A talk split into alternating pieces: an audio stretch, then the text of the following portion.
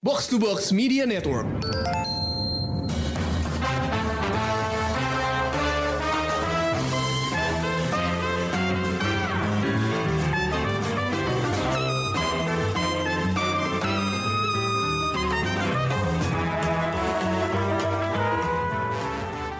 Showbox listeners, annyeonghaseyo. Setelah sekian lama, akhirnya kita balik juga ke segmen Korea Vaganza.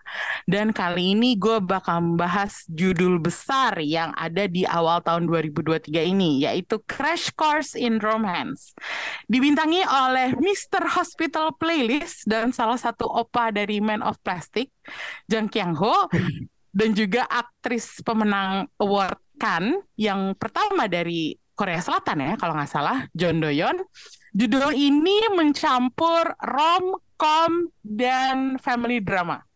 Hasilnya kalau menurut gue agak liar karena perginya ke mana-mana gitu, ke beberapa tempat. Dan gue punya pengakuan bahwa gue nggak selesai nonton drakor ini. Karena alasannya terlalu ribet dan subplotnya kebanyakan. Makanya gue mengandalkan dua orang panelis Showbox kali ini yang gue ajak langsung buat ngebahas Crash Course karena mereka udah selesai nonton drakornya yaitu Krisna dan Priska. Hai guys. Halo. Halo. Uh, by the way, welcome Priska ke Korea Vaganza. Iya. Oh iya, ternyata lo udah debut ya, debut Korea. ternyata dia udah keracunan drakor juga. Uh, dan kali ini gue ajak Priska karena Crash Course itu ada salah satu unsurnya yang menampilkan makanan juga ya. Jadi karena kita tahu kan kalau Priska spesialis spesialis kuliner di Showbox gitu. Jadi gue ajak aja gitu. Um, kenapa Pris lo nonton Crash Course in the first place? Hmm, jadi saya itu selain eh, apa namanya kontributor kuliner di Showbox, saya juga romcom queen ya. Jadi itu ada, Oh. ada ada kata apa itu di title-nya, title bahasa Inggrisnya. Romance. Nah, langsunglah saya berbondong-bondong. Ayo, mari warga kita menonton. I don't like it. Langsung di awal udah ngomong I don't like it. Wow. kayak apa gimana ya eh, mungkin sepertinya ketika saya milih have a crush on a guy I pretend I don't see the red flags karena itulah hasil nonton Crash Course in Romance I I, I completely ignore the red flags terus udah gitu kayak week after week I come back dengan eh, sabar gitu ya Hmm, tapi akhirnya kenapa kayak gitu ya Oke, tahan dulu, tahan dulu komplainannya. Kita belum sampai ke tahap itu. Gue sekarang beralih ke Krisna, eh, yang bikin gue kaget waktu dia bilang dia nonton Crash Course. Kenapa kalau tertarik, Chris? Karena gue eh, mikirnya apakah tadinya lo mengharapkan ini bakal jadi drakor slice of life yang memang selera lo gitu. Mm, enggak sih, udah kelihatan ini sesuai judulnya. Oh, Gue kan apa ya, gue menikmati romcom Korea juga kan. Jadi hmm. dan ini gara-gara yang main John Doyon. oh, jadi aktrisnya ya Oh, yang iya. menarik Maksudnya- perhatian lo. Jarang-jarang kan dia main drakor gitu kan, sebagai pemeran utama gitu. Apalagi genrenya macam ini gitu. Maksudnya kalau ngelihat trailernya kan kayak romcom banget gitu kan. Wah menarik juga gitu. Hmm. Sebenarnya kalau melihat trailernya iya ya. Eh, Hmm. Apa ya? eh, nuansanya romcom banget. Tapi seperti yang gue bilang tadi, drakor ini tuh ngegagu- ngegabungin beberapa tema besar. Ada edukasi, ada kuliner, ada keluarga. Yang pengen gue tahu apakah gabungan genre ini sukses ngangkat ceritanya atau malah bikin bingung. Hmm, Kalau kalau buat gue sih nggak sampai bikin nggak nggak sampai bikin bingung sih. Cuman ya cuman ini bikin beberapa plot yang menurut gue sih harusnya lebih penting itu untuk Iya. diangkat. Itu jadi tanggung. Iya. Oh, Ketutup apa ya? Kayak kemakan sama plot yang menurut gue nggak penting. Harusnya nggak perlu ada gitu dari awal. Hmm, karena setelah melihat beberapa episode kan tiba-tiba tuh ada subplot tentang yang eh, penembakan misterius Tuh, dari itu Metal Ball. Nah, itu. Eh, sementara kita udah disibukkan dengan perjalanan apa ya? eh, romansnya si uh, Nam Heng Son dan Choi Chiol gitu. Iya. Mm-mm. Udah gitu ada adanya dia pakai autis juga gitu. Jadi gue merasa kok uh, apa ya kayak nggak jelas arahnya mau ke mana gitu. Itu yang sempat gue rasain. Nah kalau Priska apakah merasa uh, campuran genre ini sukses atau enggak? Eh, kalau misalnya di pick ke part satu-satu, mungkin itu ada apa ya kayak ada eh, pengertiannya sendiri atau kayak logikanya sendiri sih. Cuman gabungan jadi apa storyline yang maju barengan tuh agak-agak kayak eh capek gitu kayak Hmm. si bagian apa namanya uh, culture education yang ambition dari parents ke anak itu tuh agak-agak itu kayak karena mungkin karena nggak relatable sama diri gue sendiri jadi kayak duh nih kok ribet banget sih gitu. Terus udah gitu uh, tambah diribetin dengan mama yang nggak make sense gitu. Yang komplain mulu. Tapi terus udah gitu di, di kontras sama how fake they are to each other. Terus eh, apa namanya kayaknya tuh eh, kalau misalnya tanpa ada bagian itunya terus udah gitu memang si cerita romansnya dikembangkan gaya-gaya trope yang from love to hate eh from hate to love kayak apa sih eh, romcom trope yang agak-agak prejudice gitu tuh ya oke it'll make sense gitu cuman dengan banyaknya faktor yang juga take spotlight tuh agak-agak jadi kayak wah dragging sih panjang Hmm. banget sih gitu Hmm. Tapi lu kan tiap minggu balik lagi kan? Maksudnya lo dengan setia tetap ngikutin dua episode per minggu itu. Eh, ini apa yang bikin lo tahan? Apa yang bikin lo betah gitu? Ya, bagaimana ya? Mungkin eh, saya tuh ini sekali ya eh, eh, kangen banget sama eh, actual romantic comedy yang kayak dari tahun lalu yang namanya Business Proposal. Yang ya. apa namanya? Itu tuh bolak-balik kayak I go back to it as a comfort watch aja gitu kayak oh so cute, oh so cute. I thought I found it in this one karena ada kata-kata romance. Jadi kayak ya itu gue I ignore the red flag jalan aja terus ya gitu kayak eh, apa namanya beberapa belas episode kemudian endingnya hmm, ya di, sini, di sini saja di sini saja apa ini uh, relationship kita. Oke bye Kalau Krisna sabar nggak lo ngikutin Chris? Atau lo sempat kayak, uh, udah capek gitu, ntar aja gue Hmm. tonton gitu. Kalau gua sih sebenarnya ya ada plot yang gua menurut gua nggak penting banget ada gitu. Tapi di luar itu ada beberapa plot yang sebenarnya eh, cukup bikin gue penasaran gitu. Kayak soal drama hubungan keluarganya, soal edukasinya, soal apa maksudnya dunia pendidikannya gitu ya. Kayak Hmm. Ya banyak kan udah banyak drakor yang ngebahas di apa soal itu gitu. Cuman kan biasanya cenderung lebih berat, lebih suram gitu kan. Di sini kelihatannya kayak mau berusaha lebih lebih berwarna gitu tapi tetap bikin dampak buruknya gitu dari ketatnya persaingan di sana gitu. Hmm. Ya walaupun memang sayangnya agak tanggung ya di bagian itu gitu. Jadi ya menurut gue di luar beberapa plot yang nggak perlu dan tanggung tapi masih ada masih ada daya tariknya sih buat gue. Hmm. Walaupun nggak nggak ya itu maksudnya nggak semuanya akhirnya memuaskan gue juga di endingnya. Hmm. Oke. Nah, eh, oke kita sekarang fokus ke dua lead karaktersnya, yaitu Nam Heng Son dan Choi Chiol. Ini namanya Choi Chiol tuh agak-agak catchy gitu ya? Kayak Choi Chiol, Choi Chiol gitu. Sering banget lagi disebut-sebut di drakornya. Em, apa pendapat lo tentang mereka berdua? Eh, gue pengen tahu spesifik chemistry mereka. Karena kalau buat gue, mereka tuh sama-sama annoying. Yang si Nam Heng Son terlalu antusias, tapi Choi Chiolnya terlalu menahan diri gitu. Jadi di bagian awal serial ini gue merasa chemistry-nya tuh kayak off gitu loh. Nggak menimbulkan kesan uwu kayak contohnya si karakternya An Hyo Sop sama Kim Sejong di A Business Proposal atau Park Hmm. Seo Joon sama Park Min Young di Secretary Kim gitu. Gue penasaran aja sama pendapat lo tentang mereka berdua gitu.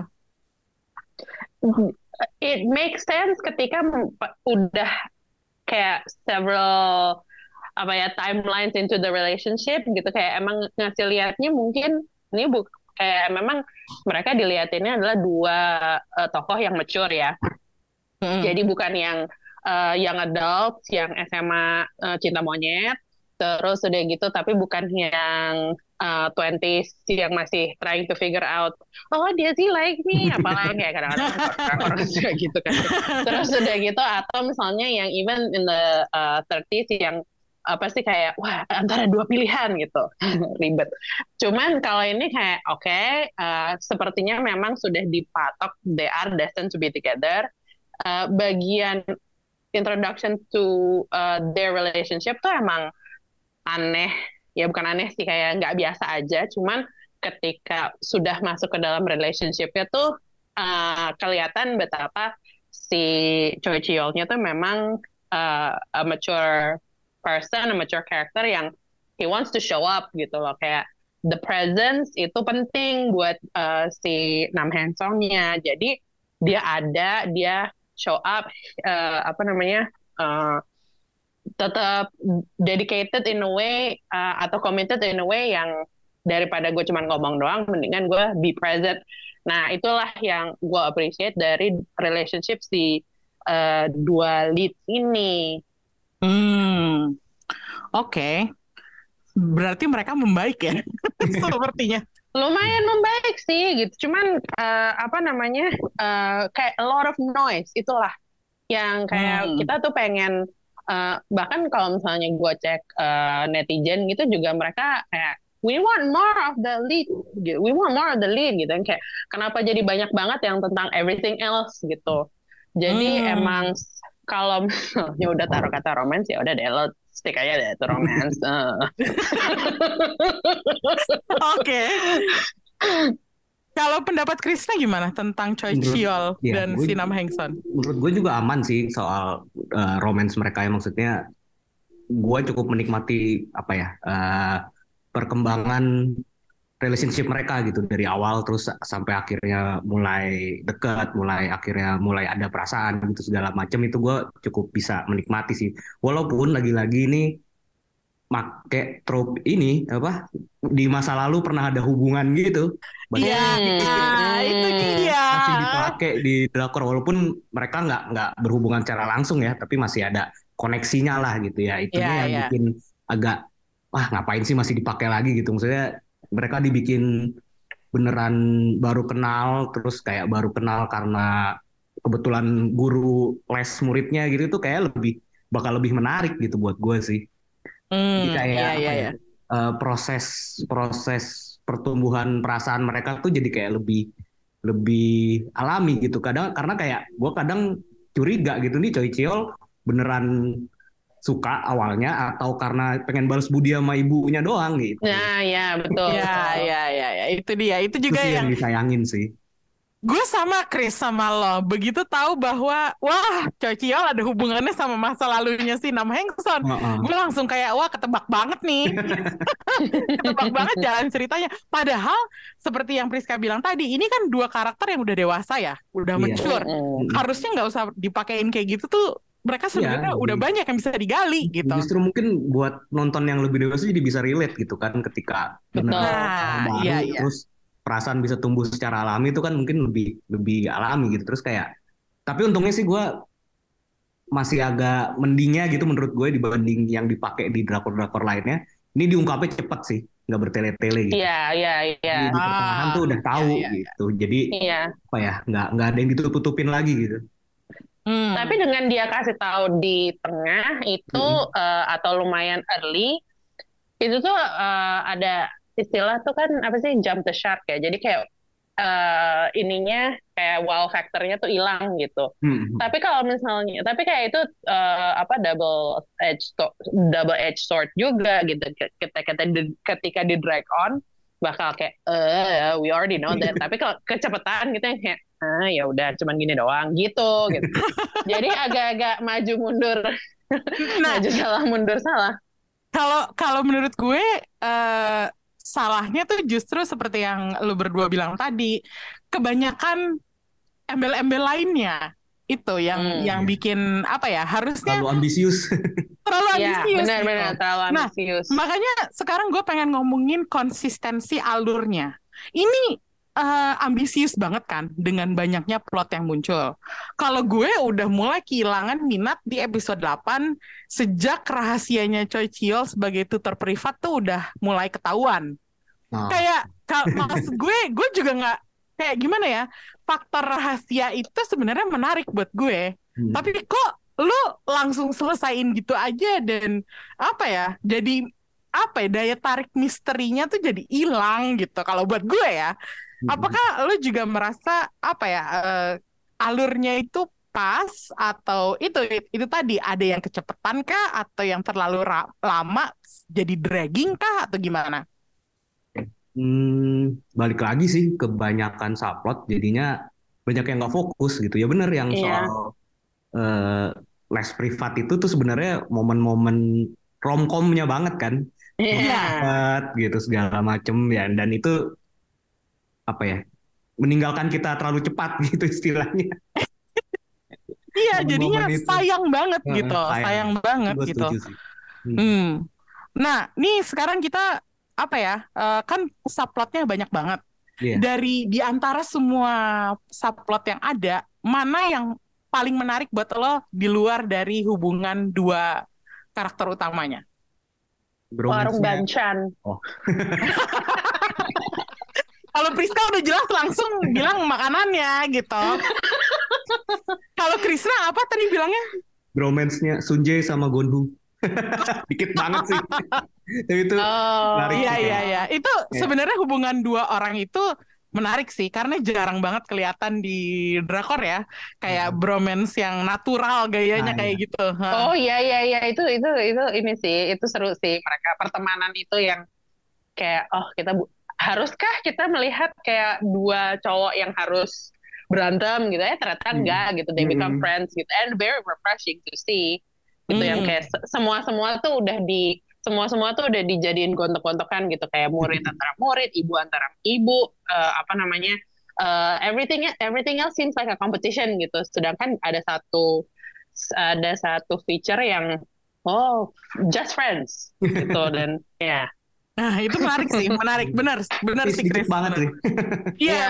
yang sayangnya sedikit banget ya. Malah yang akhirnya di blow up itu adalah yang kasus penembakan misterius itu itu Hmm. masih gue masih kayak nggak paham kenapa jadinya malah gede banget di penembakan misterius itu gitu. kalau di drakor kan ngomongnya aigo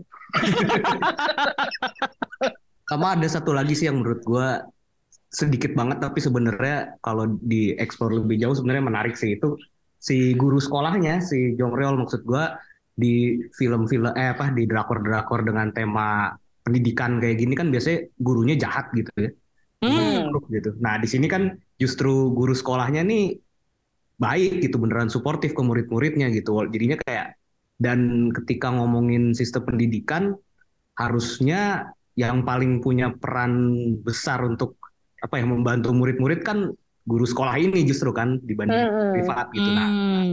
ini tuh kayak dikit banget padahal iya tiap dia ada momen muridnya bermasalah terus dia ngebantu itu menurut gue menarik gitu. Hmm, hmm, hmm. Hmm, itu menarik juga sih. Iya iya dan itu gue sadarin eh, bahwa sebenarnya meskipun mereka awalnya ditampilkan sebagai rival, itu Mm-mm. ternyata mereka juga memperbaiki hubungan mereka ya. Jadinya Iya. akhirnya kayak friendship juga gitu. Akhirnya sering minum bareng lagi. Nah, itu dia, itu dia. Eh, Oke, eh, si Priska tadi bilang Bancan ya. Kenapa menarik? Ih, ya kayak dari awal kita kayak nonton Bancan tuh apa sih? Bancan tuh apa sih? Bancan. Akhirnya googling gitu. Eh, ya itu basically masakan uh, lauk atau side dish uh, yang biasa ada di South Korean cuisine. Kalau misalnya ke kalian ke Korean barbecue tuh kan pasti ada uh, apa sih piring-piring kecil yang ada isinya macam-macam selain kimchi, ada kayak semacam uh, apa namanya uh, pancake yang isinya sayur, terus udah gitu ada sayur yang dibumbuin, misalnya eh, apa sih? Ada sayur yang dibumbuin sama eh, kayak minyak wijen gitu. terus udah gitu uh, macam-macam gitu. Kalau uh, yang paling bisa kita lihat contohnya tuh kalau misalnya kita ke Korean barbecue, uh, your local Korean barbecue gitu. Jadi si Bancan ini tuh uh, apa ya kayak ada itu tuh satu yang I thought is going to be the hero of the story karena di awalnya tuh diemphasize banget bahwa si Choi Chi-yeol ini punya eating disorder karena dia stres. Terus udah gitu ada satu scene di episode 1, episode, episode 2 gitu yang dia tuh makannya tuh sampai wah enak banget wah sampai gitu, nangis kayak, sampai nangis. iya sampai nangis karena dia bisa makan. Terus udah gitu habis itu yang yang uh, apa uh, silliness-nya tuh yang dia datang pakai topi pakai kacamata hitam gitu Nah dari situ tuh kayak wah so hopeful gitu kan. Mm -hmm. I thought the the the romance or the romantic story itu ya apa namanya memang berasal dari Bancan. Cuman I thought it was going to take uh, center stage gitu. Yeah. Cuman ya ini cuma sebagai apa ya kayak apa namanya uh, pendukung aja jadinya gitu. Cuman Pak uh, gitu ya. Oh, oh gitu. Terus gitu ya saking saking kayaknya gue seneng banget sama Bancana sampai riset sendiri Bancana apa yang bisa dibikin gampang di rumah gitu dan ternyata emang enak sih. ya itulah kalau orang suka kuliner terus nonton drakor kayak gini langsung terinspirasi buat masak aja sih. Ini uh, kita udah ngomongin kulinernya, kita udah ngomongin bromance-nya. Ada nggak faktor lain yang entertaining dari Crash Course? Kayaknya kalau ngelihat tadi uh, kita dengar uh, komentarnya netizen, mereka merasa romansnya agak tersingkirkan. Uh, jadi apakah kurang entertaining atau gimana? Faktor faktor lain apa yang entertaining dari Crash Course? Ya itu sih soal sistem pendidikan itu gue sebenarnya lumayan yang salah satu faktor yang paling menarik buat gue itu ya gimana ketatnya persaingan ini nih sampai apa ya mengaruhi si murid-muridnya kan bahkan ada satu yang sampai hmm. uh, apa ya sampai ngerusak mentalnya lah gitu. Dia mulai halusinasi segala macem tapi hmm. ya, lagi-lagi sayangnya nanggung. Oh. Iya. Konklusi untuk si siapa namanya? Bang Sua ya? Bang Sua tuh hmm, Bang Sua. padahal kondisinya udah udah parah banget kan. Dia udah sampai halusinasi dia sampai emosinya meledak sampai apa ya kayak ngelukain ibunya. Tapi nggak pernah dijawab dengan clear juga apa yang dia lakukan tiba-tiba di episode terakhir dia udah membaik aja. Iya. Iya iya iya iya. Oke, jadi uh, faktor edukasinya ya yang entertaining iya, buat gue Chris. awalnya sangat uh, sangat menarik perhatian gue hmm. di situnya sih. Hmm. Oke oke. Nah sebaliknya ada nggak hal yang bikin lo super kesel dari crash course ini? Kalau gue mm. ada satu adegan yang gue masih inget banget itu adiknya si Nam Hengson yang autis itu oh. mm. kena masalah sama barista yang baristanya nuduh dia stalking. Mm. Padahal dia cuma pengen makan wafelnya doang. Iya yang dibikin sama spesifik orang itu gitu. Iya gitu. Jadi gue merasa ini kok barista nggak peka banget ya. ini mau maksudnya mau cari sensasi aja atau emang orang Korea sege, seegois itu kah gitu? Ada nggak sih adegan-adegan atau hal-hal faktor-faktor yang bikin lo merasa ini tuh annoying banget tuh kayak gini gitu? Ibunya Sun Jae. Ibunya si oh, apa si namanya? pengacara uh, ini. Uh, uh, si pengacara itu yang sampai dia uh, apa harus nyariin apa bocoran uh, tes Hmm. Kayak uh, terus udah gitu kan uh, dinamika kehidupan keluarganya Sonja itu juga ya nggak nggak perfect gitu loh. Hmm. Emang diliatin semua dinamika uh, family relationship itu juga nggak ada yang nggak uh, ada yang perfect kecuali ketika mereka sendiri harus bilang with a fake smile terus yang kayak oh everything is fine oh my kid is number one bla bla bla gitu kayak wow denial is a river in Egypt. Terus udah gitu tapi yang paling kesian adalah uh, apa namanya si uh, Sunje dan sebenarnya kakaknya ya uh, hmm. dan sampai harus uh, apa si Sunje-nya tuh kayak baru merasa rilis ketika dia uh, cerita di ayunan sama si uh, Hei gitu ya kayak ini sebenarnya kakak gue tuh gini gitu. Jadi intinya adalah emang uh, these uh, the the young uh, characters, the young people itu tuh kayak butuh to be heard aja sih gitu. Gue juga paham kenapa siswa tuh sampai kayak uh, apa stres banget gitu. Mm-mm. Emang jadi uh, ya pastilah gitu zaman-zaman kita Iya. sekolah dulu juga pasti stres lah gitu. Cuman the fact that mereka tuh benar-benar di pressure untuk kayak lo kalau nggak jadi number one lo nggak jadi apa-apa gitu kayak Mm-mm. is it healthy? No. do, do you have to do it? No. But do you do it? Yes. Gitu kasihan gitu. Tapi yang Hmm. paling yang paling tertekan tuh apalagi dengan kasus eh, si Metal Balls itu tuh si kakaknya Sunja itu kan juga jadi center stage dikasih Iya. lihat. Mm-mm. Malah jadinya sebenarnya kayak ada saat ada beberapa episode yang kayak is this about Sunja's family? I forgot. Where is Tochiol? Nowhere. kayak Makanya kan bikin, bikin double kesel gak sih? Iya, jadi kayak ke- kayak si Choi Chiwol itu kayak cuman eh, emang ada cuman buat si tokohnya Hei dan Nam Heng Son gitu dan keluarganya gitu dan eh, cuman kok kayaknya ke sana si eh, Sun Jae sendiri itu kayak have to fight alone. Ya walaupun akhirnya dia juga menemukan teman yang kayak nyadarin ke dia, eh eh, apa namanya take a chill pill gitu kayak udah you're okay gitu. Itu karena eh, apa itu tuh membantu dia banget gitu dan si Hei juga ngebantu dia tuh ya dia ya itu merasa jadi lebih enak gitu untuk carry himself gitu. Cuman si ibunya itu sih yang kayak wow, I never know a person like you gitu. I don't even know if my friends have mothers like that gitu. Or even my friends yang yang kayak apa gayanya kayak gitu kayaknya zaman sekarang udah nggak zaman ya. Oke. Em, kekesalan Priska ada pada ibunya Sunjae. Kalau Krisna Hmm. keselnya apa nih? Gua sebel banget sama konklusinya Ji Dong Hui sih. Kayak lazy, sungguh lazy writing menurut gue. yes. Ah, dan kayak- Oke. Apa ya? Maksudnya sem- ta- ada tambahan gak penting lagi kan di sini ada ini kan detektif yang Eh. berusaha menyelidiki kasus ini. Terus gunanya Iya. apa mereka menyelidiki kalau konklusinya kayak gitu? Iya iya iya iya iya iya. Makanya kasus percuma gitu. penembakan misterius ini beneran Iya. buang-buang waktu banget ya. Cuma Kayak apa ya? Terlalu bukan ambisius juga. Ya lazy, lazy bener Mm. kata kata lo Chris.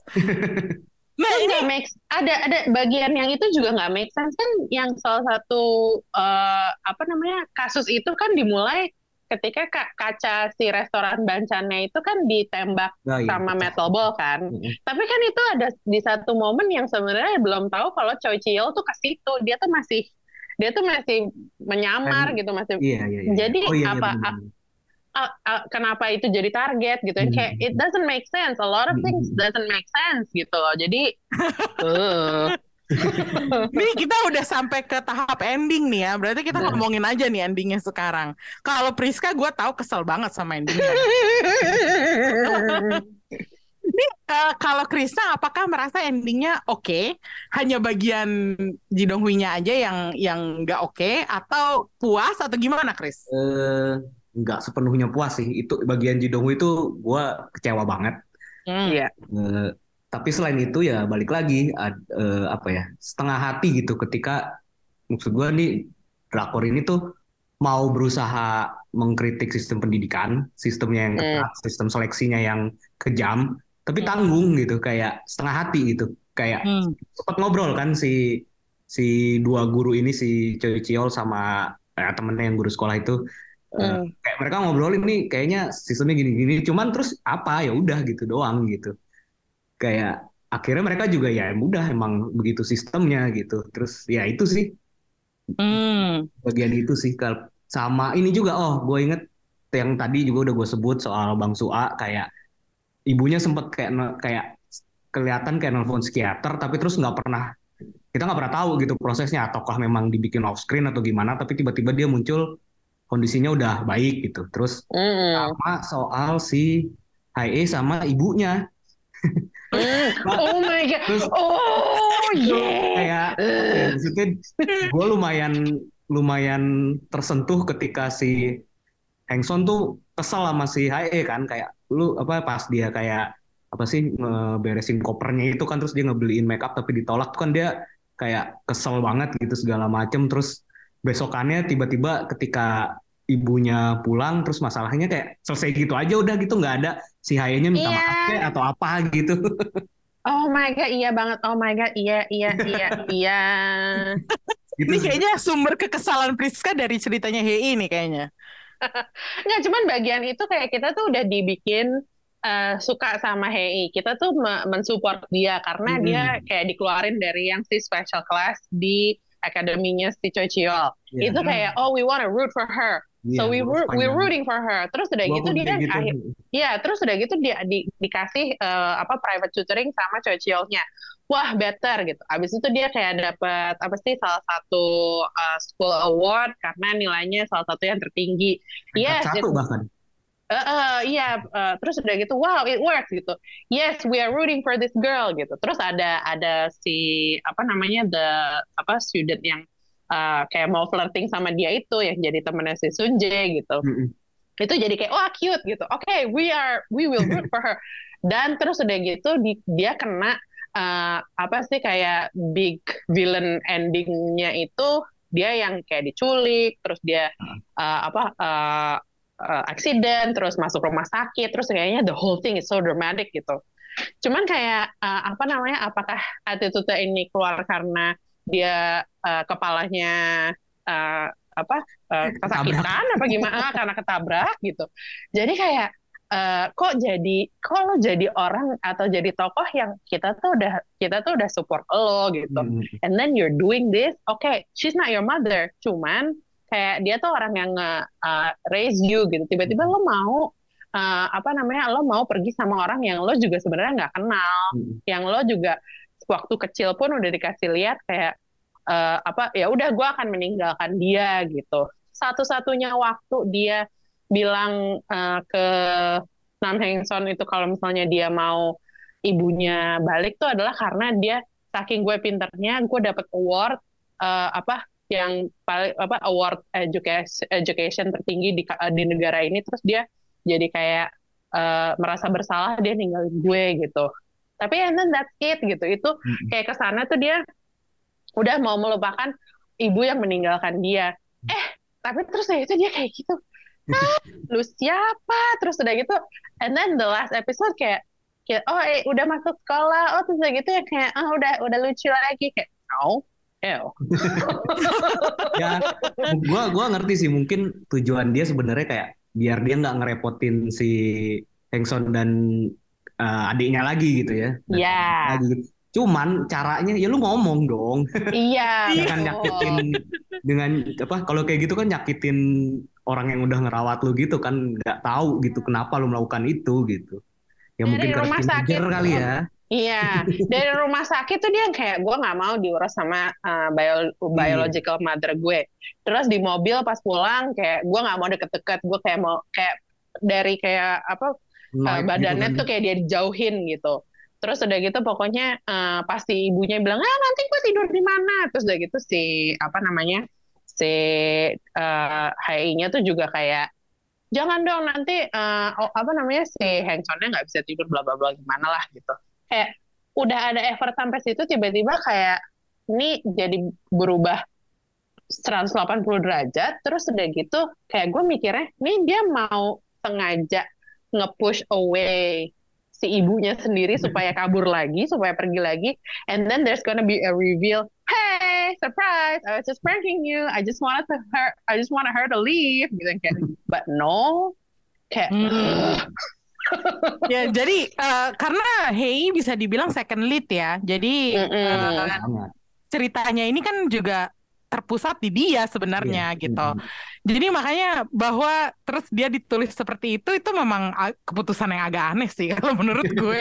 Iya, Endingnya kayak kok karakter ini jadi dijatohin banget gitu. iya, banget banget. Hmm, ya gue ngerti sih frustrasi kalian terhadap endingnya ini.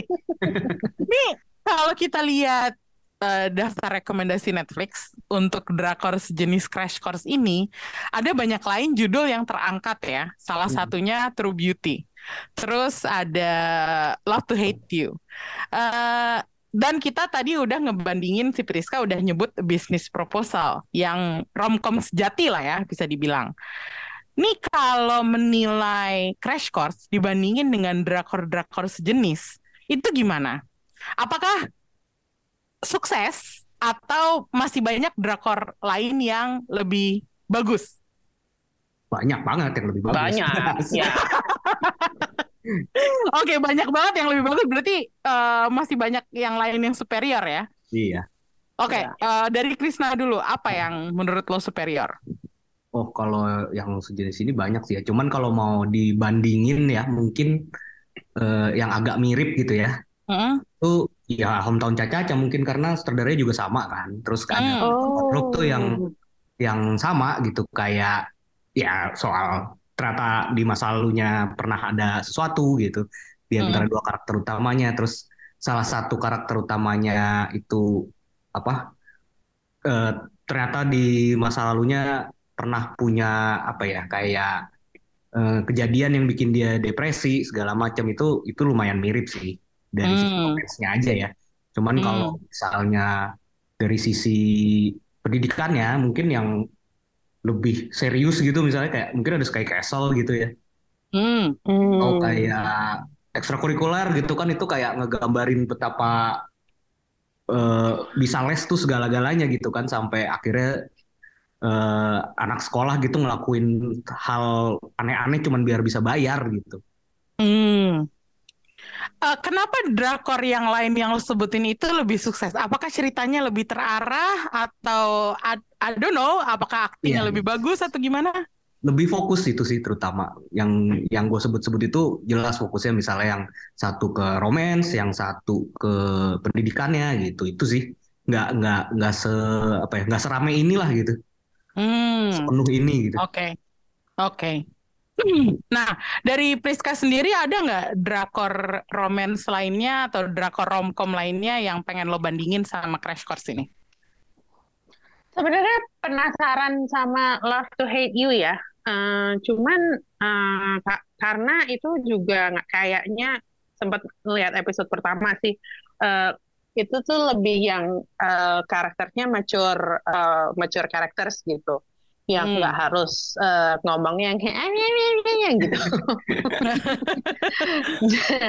yang so cute so cute gitu gitu. Jadi eh, dan eh, perawakan si female lead-nya juga dibuat kayak badass girl gitu. Cuman eh, apa namanya kalau misalnya yang udah ada eh, yang sebelum-sebelumnya masih sih business proposal masih lebih menang karena emang apa namanya comedic factor-nya juga lebih konsisten.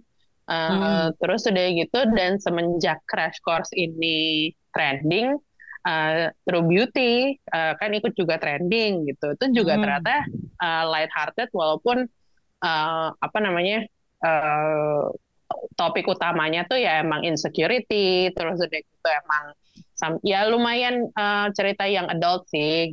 Cuman eh, gimana ya karena karena mungkin comedic factor-nya itu eh, konsisten dan kita tuh entertain karakter yang diperlihatkan tuh juga ada apa ya very dynamic gitu. Kayak eh, apa growth dan evolution per karakternya itu juga ada gitu. Jadi juga nggak one note.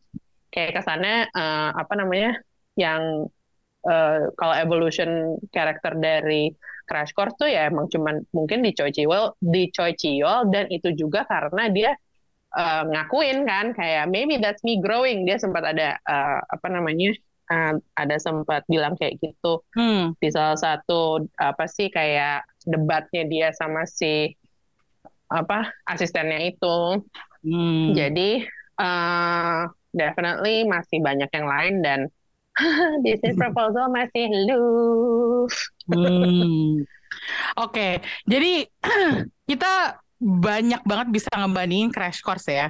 Dan em, ini adalah salah satu drakor yang kayaknya dia paling besar dipromosikan di OTT untuk awal tahun ini. Iya. Tapi apakah menurut lo dia bisa memenuhi janji dari apa ya? Kan kita tahu nih drakor besar banget gitu. Tapi apakah rasanya flop atau enggak? Bagi bagi kalian gimana sih performa Eh, si Crash Course Mungkin ini? bisa memenuhi janjinya dari sisi ini drakor banget sih. Hmm. Oh, drakor oke. banget yang apa yang prime time-nya drakor gitu yang kelihatan kayak eh, produksinya bagus eh, Ya.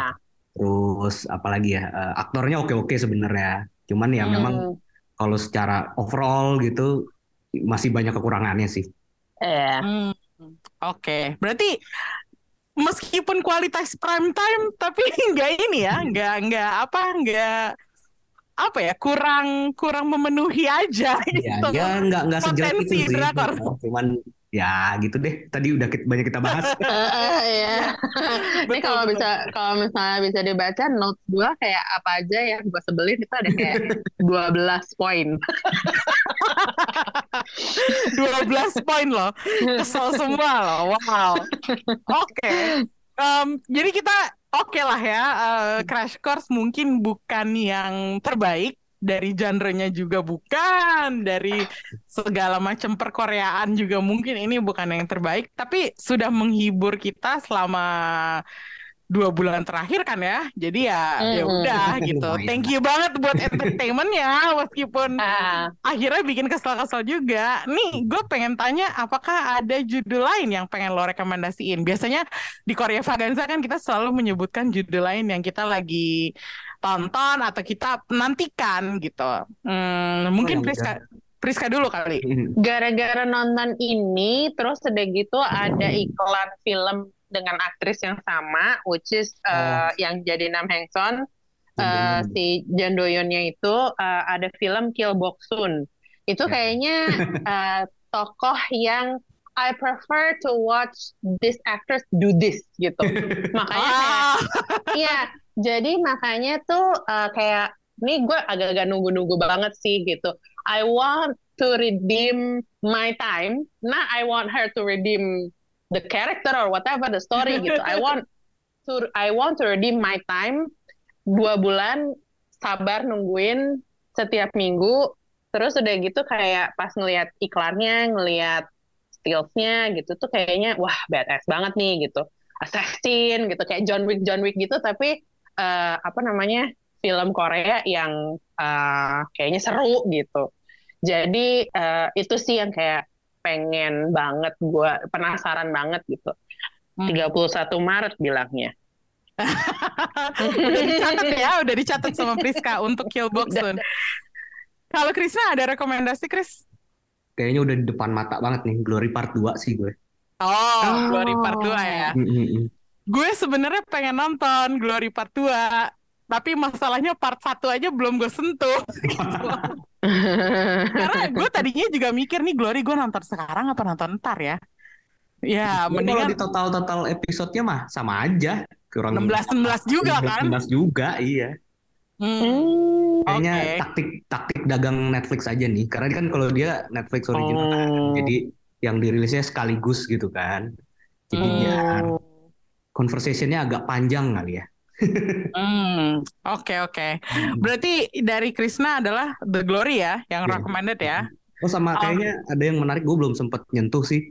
Hmm? Tapi udah ongoing juga kayak Divorce Attorney tuh lucu sih kayaknya tuh. The, the apa? Divorce perceraian. Oh, The Divorce. Oh, Divorce Attorney Shin. Iya, iya, iya. Oh, Kayak lucu sih. itu agak-agak se satu suara kayak itu ya, apa one dollar lawyer ya? Oh Kayak iya gitu. kayaknya sih. Hmm, itu gue Ya nonton tuh. cerita tentang inilah eh, lawyer atau attorney gitu kan sering banget. Hmm. Tapi ini mungkin menariknya eh, apa ya spesialis perceraian gitu. Jadi mungkin ada ada sesuatu yang baru mungkin di sini. Hmm, oke.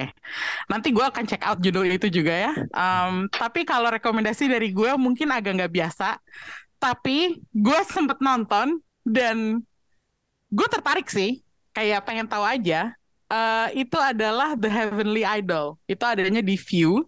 Hmm. Jadi itu itu sebenarnya judul fantasi ya. Lo tahu sendiri kan kes- pendapat gue tentang fantasi Korea. Korea itu agak-agak rendah gitu. Jadi gue pengen tahu apakah judul ini bisa sesuai ekspektasi gue atau melampaui ekspektasi gue. Jadi yang main tuh adalah Kim Min Kyu, uh, bintangnya bisnis proposal yang ganteng banget, favoritnya Ulil. Uh, dia jadi apa ya karakter uh, yang tadinya hidup di dunia fantasi, tapi terus tiba-tiba terlempar ke dunia dunia nyata di Korea zaman sekarang dan jadi penyanyi idol. ajaib ya. ajaib banget dan gue pengen tahu aja sih kelanjutannya gimana setelah nonton episode pertamanya. Uh, ya hitung-hitung ngeliat cowok ganteng gitu ya. Kalau kata Ulil, cuci mata aja gitu. Cuman buat seger-segerin aja gitu. Jadi itu rekomendasi dari gue Heavenly Idol di View. Um, Oke, okay, kayaknya kita udah cukup lengkap nih ngebahas Korea Vaganza. Um, Buat yang kangen Korea Vaganza, jangan khawatir, Showbox masih bakal terus nge-review judul-judul Korea lain yang ada. Sambil nungguin Korea Vaganza berikutnya, gimana kalau kalian dengerin uh, episode-episode Showbox dari segmen Show Japan, Indonesia, dan Anglo Review. Uh, semuanya dinikmatin aja, karena Showbox is here to stay. Uh, Oke, okay, kita ketemu lagi di episode berikutnya. See you and bye-bye. Bye-bye.